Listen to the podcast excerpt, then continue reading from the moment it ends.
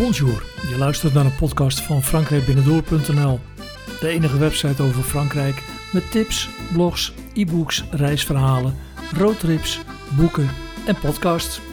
Ik ben Ruud Kouwenhoven en in deze podcast neem ik je mee naar Normandië en om precies te zijn naar Rouen, een stad met een rijke historie en dat zie je als je er bent. In deze podcast deel ik je mijn ervaringen en als je iemand wilt verrassen, dan heb ik ook nog een gouden tip voor je. Luister je mee? Rouen is een verrassende stad aan de Seine. Hoewel ik er vaak langs ben gereden, kwam het er nooit van om de stad eens te bezoeken. En dat bleek een grote vergissing. Want Rouen is een heerlijke stad om er eens een dag of twee in rond te brengen. En in deze podcast deel ik je dus mijn ervaringen in Rouen en in het bijbehorende blog op frankrijkbinnendoor.nl slash Rouen vind je nog veel meer tips. Meestal ga ik elk jaar een paar weken naar de Loire-streek. En dan in de omgeving van Bourgueil. En de tijd dat ik in één dag over de autoroute naar een gehuurde gîte in Bourgueil reed, die ligt ver achter mij. Omdat ik er een bloedhekel aan heb om bij Parijs telkens weer aan te sluiten in de files of langzaam rijdend verkeer, kies ik er het liefst voor om onderweg ergens te overnachten en de omgeving al daar te verkennen. Ik doe het dus op mijn gemak in twee dagen en rij links of rechtsom Parijs afhankelijk van de bestemming in Frankrijk. En op deze manier heb ik al tal van leuke en lekkere plekjes ontdekt. Zoals bijvoorbeeld het oudste restaurant van Frankrijk in Provence. Of een bijzonder hotel met drie kamers in Giverny, vlakbij de prachtige tuinen van Monet. En zo ging het ook met Rouen. En daar heb ik geen spijt van gehad. Sterker nog, ik ben er na die eerste keer inmiddels vaker geweest. Ik kan me nog goed herinneren hoe het die eerste keer in Rouen ging.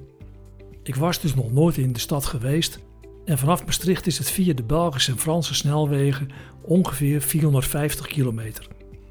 De volgende dag zou ik er ongeveer in 3,5 uur naar Bourgueil bij de Loire kunnen rijden of 4,5 uur als ik het relaxed binnendoor zou doen. En dat gaf mij ruimschoots de tijd om Rouen te gaan ontdekken.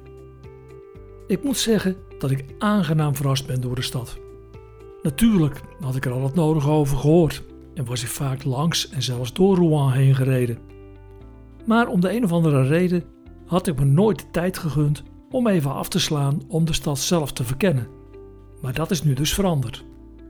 En door de ligging is Rouen gewoon een hele mooie tussenstop als je langs de kust naar het zuiden van Frankrijk gaat. Maar ook op weg naar de vallei van de Loire zit je hier goed. Vooral de binnenstad is een absolute aanrader, met als enorme blikvanger de indrukwekkende kathedraal Notre-Dame de Rouen. Ik ga je geen gedetailleerde wandelroutes geven, want de stadswandelingen van het Office du Tourisme zijn namelijk heel compleet en als je deze volgt, krijg je alles te zien wat je moet zien in deze bijzondere stad.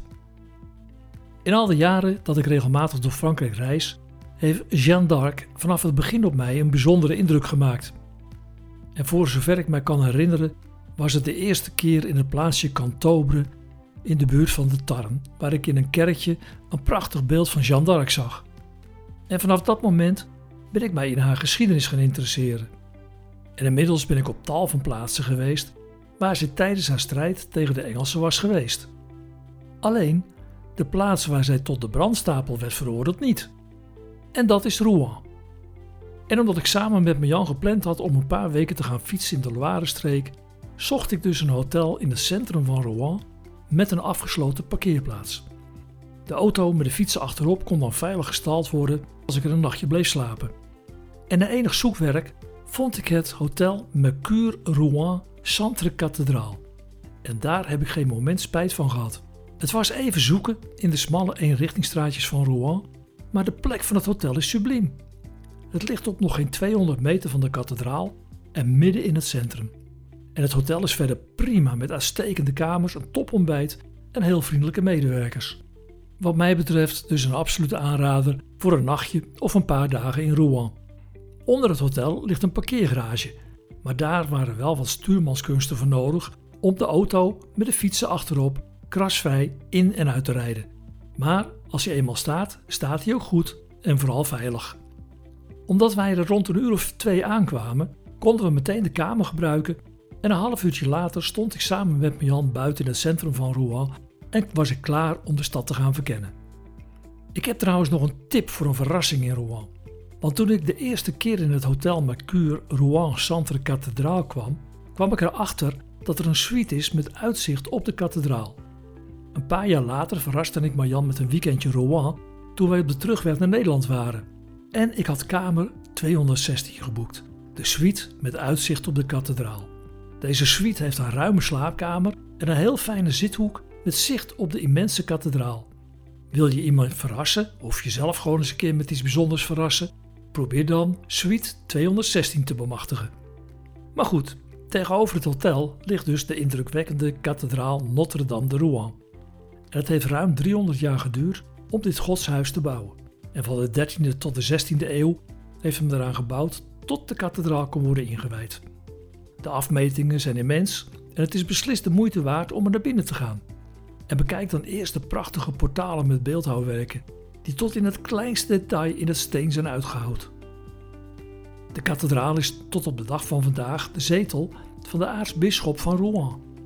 En die historie gaat zelfs tot het jaar 390 terug.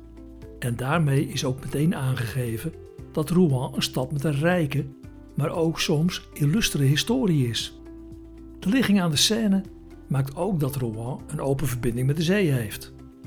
En dat bracht in de 9e eeuw de vikingen in de stad. En in 911 werd er vrede met de woeste Noorderlingen gesloten en werd hun hoofdman Rollo de eerste hertog van Normandië. Zijn standbeeld vind je elders in de stad nog terug. Dus Normandië heeft haar naam te danken aan de vikingen, of beter gezegd, de Noormannen. Nadien ontwikkelde Rouen zich tot een rijke handelsstad. En dat is tot op de dag van vandaag nog terug te zien.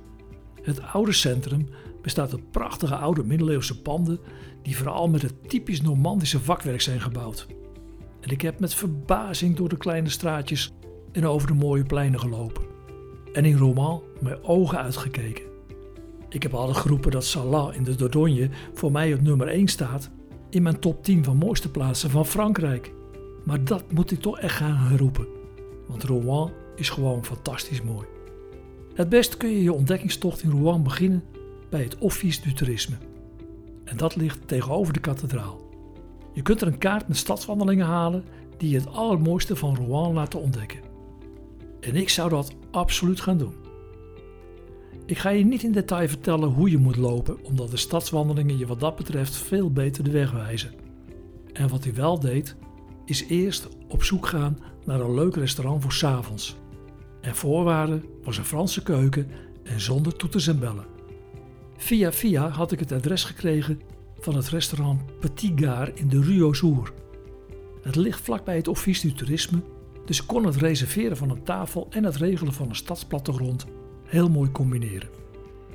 Het restaurant was echter middags dicht, maar s'avonds om half acht zou het open gaan. En via internet achterhaalde ik het telefoonnummer en ik belde voor de deur gewoon op. En in mijn beste Frans vroeg ik of er s'avonds een tafeltje voor twee was en dat was het geval. En daarna was het tijd om terug te gaan naar de kathedraal om via de Rue de Gros Horloge Rouen te gaan verkennen. Deze gezellige straat vol leuke winkels en prachtige vakwerkpanden is de blikvanger van Rouen. En bijna op het eind ligt Le Gros Horloge, een fraaie poort met een klok. En als je eronder staat moet je vooral even omhoog kijken, want je ziet dan een schapenhoedster met schapen boven je hoofd. Maar het meest bijzondere is het 14e eeuwse astronomisch uurwerk uit 1389. En dat is daarmee een van de oudste van Frankrijk. En als je wilt kun je de toren in en het mechanisme van de klok binnen bewonderen. Maar ik vond het eigenlijk langzamerhand tijd geworden voor een verkoelend biertje op een zorgterras. Ik liep onder de toren door en ging iets verder linksaf de Rue de la Vicomte in, om meteen rechtsaf naar de Place de la Pucelle te gaan. En als je in Rouen overdag even iets wilt drinken of misschien nog lunch wilt gebruiken, dan raad ik je dit gezellige plekje in de hartjestad aan. En het is misschien wel het zonnigste plein van Rouen met een paar hele leuke terrassen die overigens vooral door de lokale bevolking worden bezet. Ik heb ze nog niet allemaal kunnen bezoeken, maar mij bevalt in elk geval het terras en de bediening van La Part des Anges. Maar ja, dat komt misschien ook wel omdat Part des Anges iets met wijn te maken heeft. Want het is de alcohol die in de kelders van de wijndomeinen uit de vaten ontsnapt. Het vertrek van de engelen zorgt namelijk voor de zwarte aanslag in de wijnkelders. Het vervolg van de ontdekkingstocht door Rouen ging vervolgens naar de oude markt van de stad. Hoewel oud is misschien wat te veel van het goede, want er staat nu een modern marktgebouw met erachter of ervoor een tuin.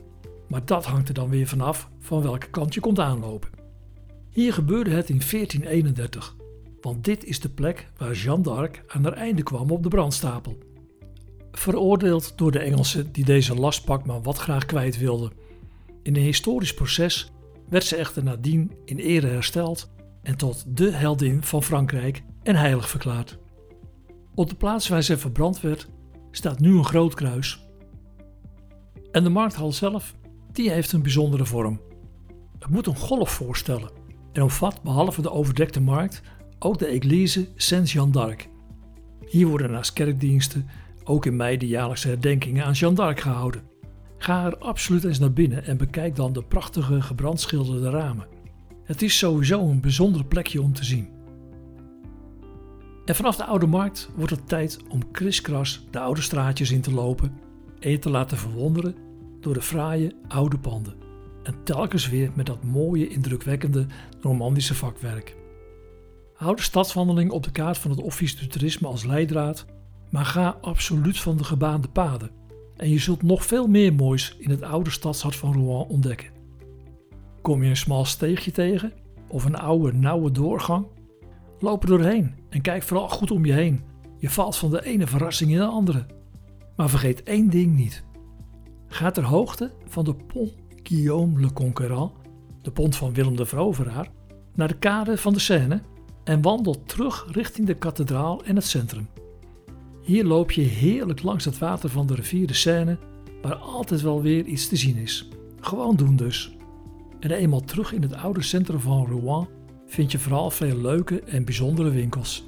De bekende merken zijn er ook, maar veel minder opvallend dan in andere steden. En er zijn twee mooie warenhuizen van Lafayette en het eveneens chique Printemps. Dus als je van shoppen houdt, dan is Rouen echt een fantastische stad. Oh ja, en wil je een stroopwafel of drop? Loop dan even naar de Hema Rouen. Als je van lekker eten houdt, dan zul je in Rouen niet teleurgesteld worden. Er zijn veel restaurants variërend van eenvoudig tot luxe en de keus in het aantal restaurants en eetcafés is enorm. Er is dus wel voor elk wat wils. En zelf zou ik niet zo snel kiezen voor een restaurant in de drukke winkelstraten. Zoals ik al eerder vertelde, had ik smiddags gereserveerd bij het restaurant Petit Gars in de Rue aux Hoes. Het is een klein restaurant dat zeer goed staat aangeschreven en ik heb er geen spijt van gehad dat we er hebben gegeten. De vriendelijke bediening, de heerlijke gerechten en de ambiance die spraken ons zeer aan. En normaal gesproken maak ik altijd een foto van gerechten en de inrichting, maar mijn iPhone was leeg. Dus vroeg ik bij aankomst of ik deze ergens kon opladen. En dat kon. En ze hadden er zelfs een snoertje en een oplader voor. De hele avond lag mijn telefoon dus keurig achter de bar, terwijl wij genoten van een lekkere, sfeervolle en vooral telefoonloze avond.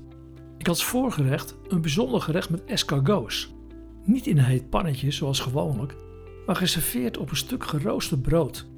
En ik heb zelden zulke lekkere slakjes gehad. Het hoofdgerecht was ook al bijzonder.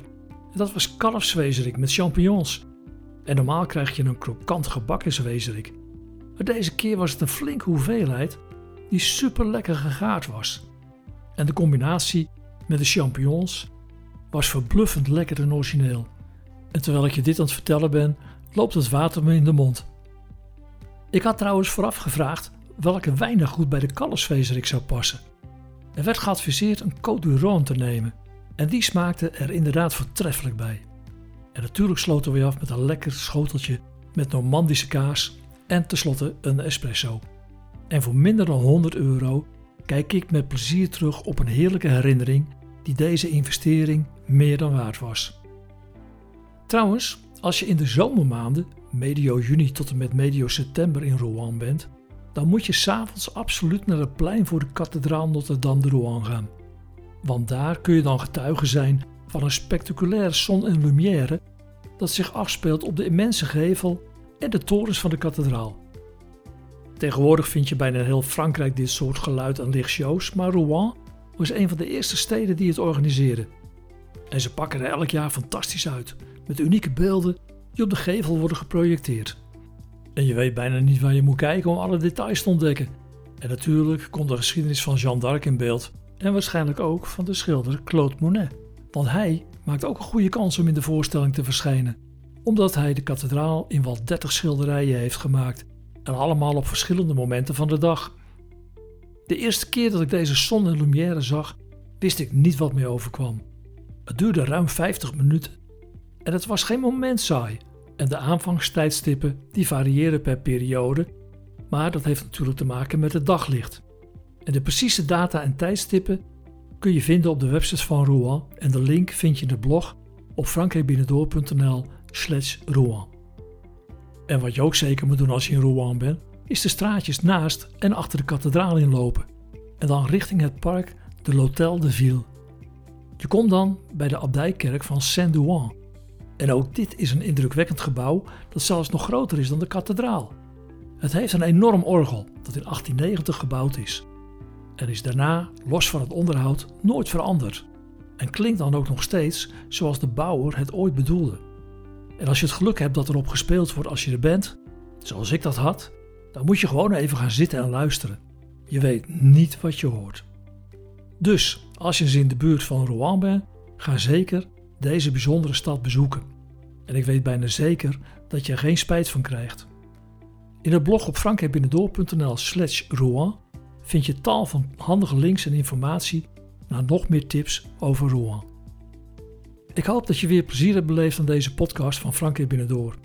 Rouen is echt de moeite waard en lees dus ook echt vooral het blog dat bij de podcast hoort. Want daarin vind je nog meer tips, foto's en handige links naar hotels, gîtes, campings en camperplaatsen in Rouen en omgeving.